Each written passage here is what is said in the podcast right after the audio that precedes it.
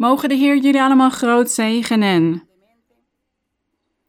We zijn weer samengekomen om de Heer te overdenken, om God te bedanken en Hem te eren, aan Hem te denken, want dat horen we altijd te doen. En we gaan ook aan het eind van deze overdenking bidden. Dus we gaan onze verzoeken en onze verlangens aan God vertellen. En ook bidden voor ziekten. Wees klaar voor het gebed aan het eind, zodat jullie allemaal met ons mee gaan bidden. En we gaan het vandaag hebben over een onderwerp waar we het al over gehad hebben. Maar er zijn soms mensen die het niet goed begrijpen en ze vragen mij nog een keer hierover. Dus we gaan het hier nog een keer over hebben vandaag. Het gaat over de lastering tegen de Heilige Geest. Er zijn mensen die blijven mij vragen: wat is de lastering tegen de Heilige Geest? En daar gaan we vandaag over lezen. In het Evangelie volgens Matthäus, hoofdstuk 12. En we gaan lezen van, vanaf vers 22 tot en met 33. Matthäus, hoofdstuk 12. Hiermee gaan we de Heer eren. In vers 22 staat: Toen werd er iemand bij hem, dus bij de Heer Jezus, gebracht, die door een demon bezeten was, en die blind was en niet kon spreken. En hij genas hem, zodat hij die blind was en niet had kunnen spreken, zowel kon spreken als zien. En heel de menigte was buiten zichzelf en zei: Is dit niet de zoon van David? Ze hadden zoveel dingen gehoord over Jezus en ze vroegen zich af of hij nou niet de zoon van David was. Maar de Fariseeën, die altijd de Heer achtervolgden, om naar zijn woorden te luisteren en om hem te bekritiseren en om een fout in hem te ontdekken, zodat ze hem meteen konden aanklagen. Toen de Fariseeën dus dit hoorden, dat de menigte buiten zichzelf was en dat ze aan het spreken waren over de Heer Jezus, zeiden zij: deze drijft de demonen alleen maar uit door Beelzebul, de aanvoerder van de demonen. Beelzebul, dit was vast een Grieks woord en dit betekende de duivel. En hier staat in vers 25: Jezus echter kende hun gedachten en zei tegen hen, tegen de Fariseeën: Ieder koninkrijk dat tegen zichzelf verdeeld is, wordt verwoest. En geen enkele stad of geen enkel huis dat tegen zichzelf verdeeld is, zal stand houden. En ja, de Heer had gelijk. En hij zei: En als de Satan de Satan uitdrijft, want dat is wat zij hadden gezegd, dat hij door Beelzebul, de aanvoerder van de demonen, een demon had uitgedreven, dat hij dit wonder had verricht. En daarom zegt hij: En als de Satan de Satan zelf uitdrijft, dan is hij tegen zichzelf verdeeld. Hoe kan zijn rijk dan stand houden? Dus, deze dingen waren de Heer overkomen en het gebeurt ons ook, het overkomt ons ook. Als wij getuigen, er zijn vele broeders die getuigen en die vertellen hun familieleden of hun buren of hun vrienden of kennissen over de kerk, over de Heer. En ze zeggen: In mijn kerk spreekt God tot mij. Hij heeft ons de gave van profetie gegeven en hij spreekt ons door profetieën, door dromen, door visioenen. God spreekt, hij openbaart zich in onze kerk. En wanneer andere mensen dit horen, dan zeggen diegenen die ongelovig zijn en die het woord van God niet kennen, de weg van God niet kennen, en God zelf dus ook niet kennen. Die beginnen dan te bekritiseren. En die zeggen: nee, dat is niet van God, dat is van de duivel. Dat is het eerste wat ze zeggen. Dat is van de duivel. En ik zeg dat dit vaak de familieleden van de broeders en zusters zijn, degene die het dichtst bij de broeders en zusters zijn.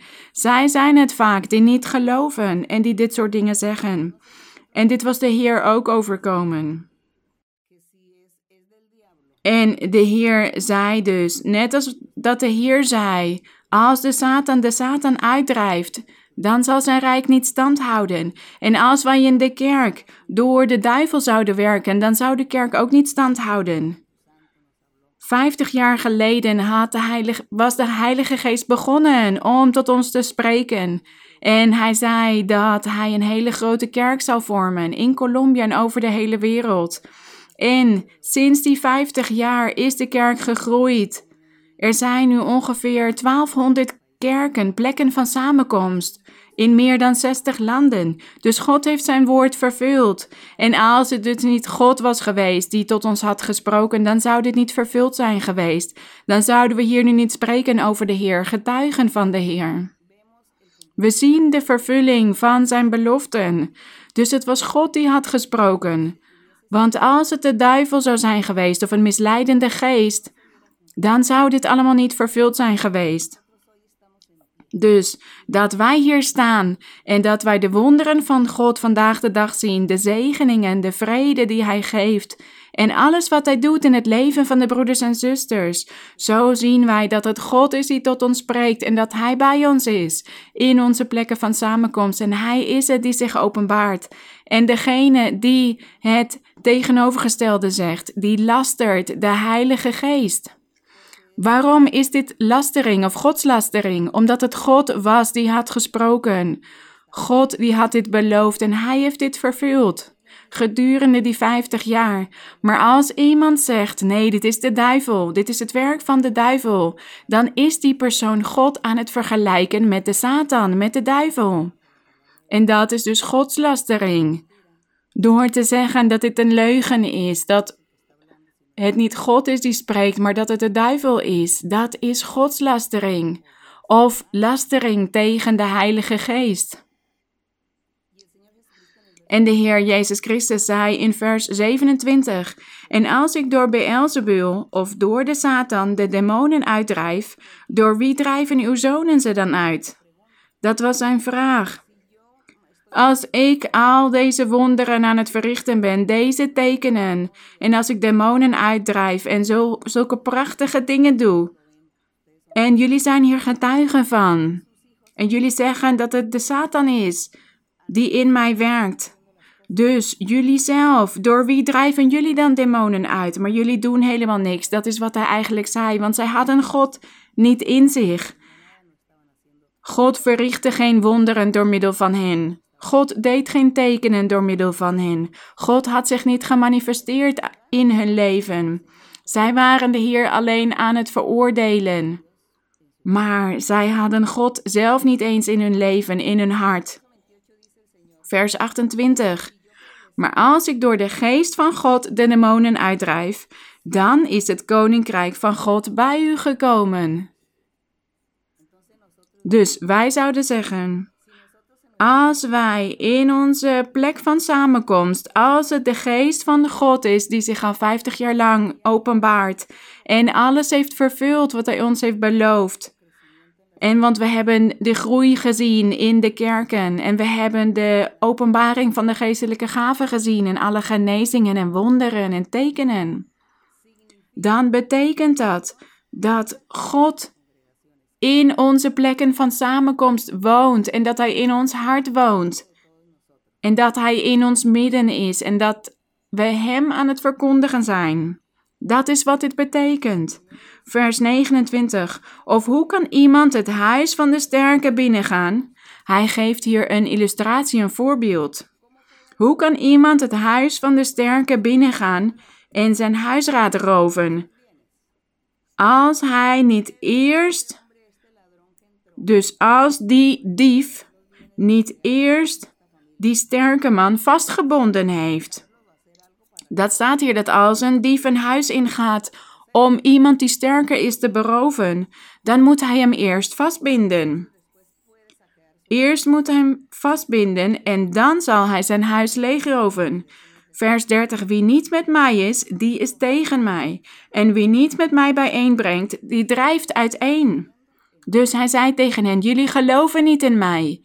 Jullie geloven niet dat ik God in mij heb en dat ik al deze dingen doe door de geest van God. Dus jullie zijn mijn vijanden. En wie niet met mij bijeenbrengt, die drijft uiteen. Dus hij zei tegen hen, omdat jullie niet in mij geloven en het jullie niet met mij eens zijn, en jullie zeggen dat ik de geest van God niet in mij heb, jullie zijn juist aan het vernietigen, aan het uiteendrijven. Jullie zijn jullie eigen geestelijk leven aan het vernietigen en ook het geestelijk leven van al die mensen om jullie heen, degene die hiervan getuigen waren. Dat is wat dit betekent. En in vers 31 staat: Daarom zeg ik u, alle zonde en lastering zal de mensen vergeven worden. Maar de lastering tegen de geest zal de mensen niet vergeven worden. Geen enkel mens zal dat vergeven worden. Wanneer ze de Heilige Geest tegen de Heilige Geest lasteren, of God lasteren. En dit is iets wat vele mensen niet begrijpen en ze vragen hiernaar: wat betekent dit, die lastering tegen de Heilige Geest? Maar met deze illustratie, met deze ervaring van de Heer Jezus die wij net hebben gelezen in deze versen, is het duidelijk voor ons. Want hij deed wonderen. De Heer Jezus was wonderen aan het verrichten. En de Fariseeën zeiden dat hij dit deed door de demonen. En wij verkondigen ook God in onze kerk. En er worden wonderen verricht en genezingen, maar er zijn andere mensen van andere gemeenten of andere religies of belangrijke mensen in bepaalde landen die zeggen: nee, dit is van de duivel of dat zijn waarzeggers. En dat betekent dat zij tegen God aan het lasteren zijn of tegen de Heilige Geest. Want wij hebben de hand van God, de openbaring van God in ons leven gezien. En wanneer God beloften doet, vervult Hij ze. Hij komt ze na en Hij doet het juiste, het oprechte. De duivel doet geen wonderen. Hij geneest de mensen niet. Hij doet geen weldaden. Hij geeft geen vrede, geen geluk, geen blijdschap. Want als de duivel dit zou doen, dan zou hij verdeeld zijn in zijn eigen rijk. Hij doet juist kwade dingen, slechte dingen en God doet goede dingen. En wij hebben die beloften van God. En wij getuigen hiervan. Dat God vele weldaden heeft verricht en heel barmhartig met ons is geweest in ons leven. En wij bidden tot Hem en wij zoeken Hem en wij verkondigen Hem in onze kerk, in onze plekken van samenkomst. Dus, ik herhaal het. Wat zei de Heer tegen de Fariseeën? Alle zonde en godslastering zal de mensen vergeven worden. Dus als iemand oordeelt over een ander mens, dan zal dat vergeven worden. Maar als iemand zondigt of lastert tegen de Heilige Geest, dat zal nimmer vergeven worden. Dat is wat deze illustratie ons onderwijst. En zo begrijpen wij wat de lastering tegen de Heilige Geest is, of de godslastering. Vers 32. En wie een woord spreekt tegen de zoon des mensen, het zal hem vergeven worden. Want hij had het hier over het menselijke deel van de Heer Jezus Christus. Dat zal hem vergeven worden. Maar wie tegen de Heilige Geest spreekt, het zal hem niet vergeven worden. Niet in deze eeuw en ook niet in de komende. En we zien dat dit de Heer was overkomen, dat hij toch gelasterd werd. En ons gebeurt, overkomt dat ook vandaag de dag. Zoals ik zei, velen zeggen over ons: ja, dit doen jullie door de duivel, of het is de duivel die dit doet. Maar degenen die dit zeggen, die hebben niks van God. Die hebben God niet in hun hart. Wellicht zeggen ze dit, maar God openbaart zich niet in hun leven. Hij heeft geen wonder verricht door middel van hen. En ze hebben geen ervaringen met de Heilige Geest, dat ze de Heilige Geest hebben ontvangen of de geestelijke gaven. Ze kennen God niet, maar ze bekritiseren ons en ze veroordelen ons zonder dat ze er iets van weten. En dat noemen we de lastering tegen de Heilige Geest. En in vers 33 staat, hij zegt hier, de Heer Jezus zegt hier, Stel dat de boom goed is, dan is ook zijn vrucht goed. Dus hij zegt: Wees goede bomen die goede vruchten voortbrengen. Want hier staat: Of dat de boom slecht is, dan is ook zijn vrucht slecht. Want aan de vrucht wordt de boom gekend. Dus al die mensen die weldaden hebben ontvangen in onze kerk, die de wonderen en tekenen hebben gezien, die de Heer heeft verricht. Zij zien de vruchten. Dus we kunnen zeggen dat de kerk, de samenkomst, de gemeente, de boom is. En we zien goede vruchten. Dus het is een goede boom die goede vruchten voortbrengt. Waarom? Omdat God vele wonderen heeft verricht en mensen heeft genezen en mensen uit de dood heeft op laten staan. En hij heeft ook vrede en geluk en blijdschap gegeven en hij verhoort onze gebeden. En dat is wat God doet in ons leven. Dus we hebben het hier over een goede boom. Want een slechte boom kan alleen slechte vruchten voortbrengen. En dat zijn diegenen die alleen bekritiseren en jaloers zijn en ons veroordelen. Maar zij begaan juist die zonde die nooit vergeven zal worden, die godslastering. Dit was de overdenking van vandaag. En laten we dus allemaal leraars en leraressen van het woord van God worden. En degene die ons vandaag voor de eerste keer horen, die ook naar deze overdenking luisteren, lees ook de Bijbel. Ken de geloofsleer, zodat God ook jullie kan gebruiken om zijn woord te verkondigen. Mogen God jullie allemaal zegenen. Laten we gaan bidden. Gezegende Hemelse Vader, eeuwige God, ik dank u, mijn Heer, voor uw liefde en uw barmhartigheid, voor uw waarheid en uw beloften die waarachtig en betrouwbaar zijn. En u vervult uw beloften in ons leven. We hebben uw krachtige hand gezien. Al vijftig jaar lang, mijn Heer, hoe u zich manifesteert in ons leven. En u vervult elk woord dat u tot ons spreekt, mijn Heer. Wij hebben uw hand gezien, uw tekenen, uw wonderen, uw openbaring en daar danken wij u voor. Eeuwige God, wij geloven in u. U leeft en u bent kracht en u bent waarheid, mijn Heer. Wij loven u en wij zegenen u.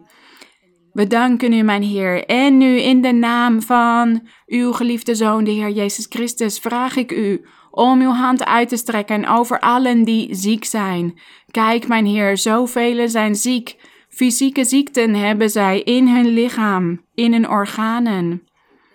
Maar er zijn ook vele psychische ziekten, mijn Heer, kwade geesten, onreine geesten, die de lichamen van de mensen zijn ingegaan om daarin te gaan wonen en zij laten hen niet in vrede, in geluk, in blijdschap leven. Zij worden hier juist ziek van en ze worden gekweld door kwade geesten en toverijen en vervloekingen. Heer, bevrijd en reinig. Zegen alle gezinnen, mijn Heer, neem conflicten en onbegrip weg. En zegen ook de kinderen, mijn Heer. En er zijn ook vrouwen die zwanger zijn en de vrucht van hun schoot is ziek geworden. Ik vraag u, mijn Heer, om te genezen, om barmhartig te zijn. Zegen, mijn Heer, doe wonderen en tekenen. En help ook die huwelijken, die echtparen, die willen scheiden, die in zoveel conflicten zijn. Vanwege de situatie die we meemaken. De duivel is aan het werk om velen te vernietigen. Maar u bent krachtig en u bent barmhartig. Zegen, mijn Heer, en bevrijd, want u bent krachtig. In de naam van de Heer Jezus Christus, de glorie en de eer zij aan u tot in alle eeuwigheid. De glorie zij aan onze Heer, aan onze God. Mogen God jullie allemaal groot zegenen. Mogen Hij jullie gebeden hebben verhoord van ons allemaal en mogen Hij handelen in jullie leven met veel wonderen en tekenen zoals Hij dit altijd belooft. Mogen de Heer jullie zegenen. Ik hou van jullie in de Heer.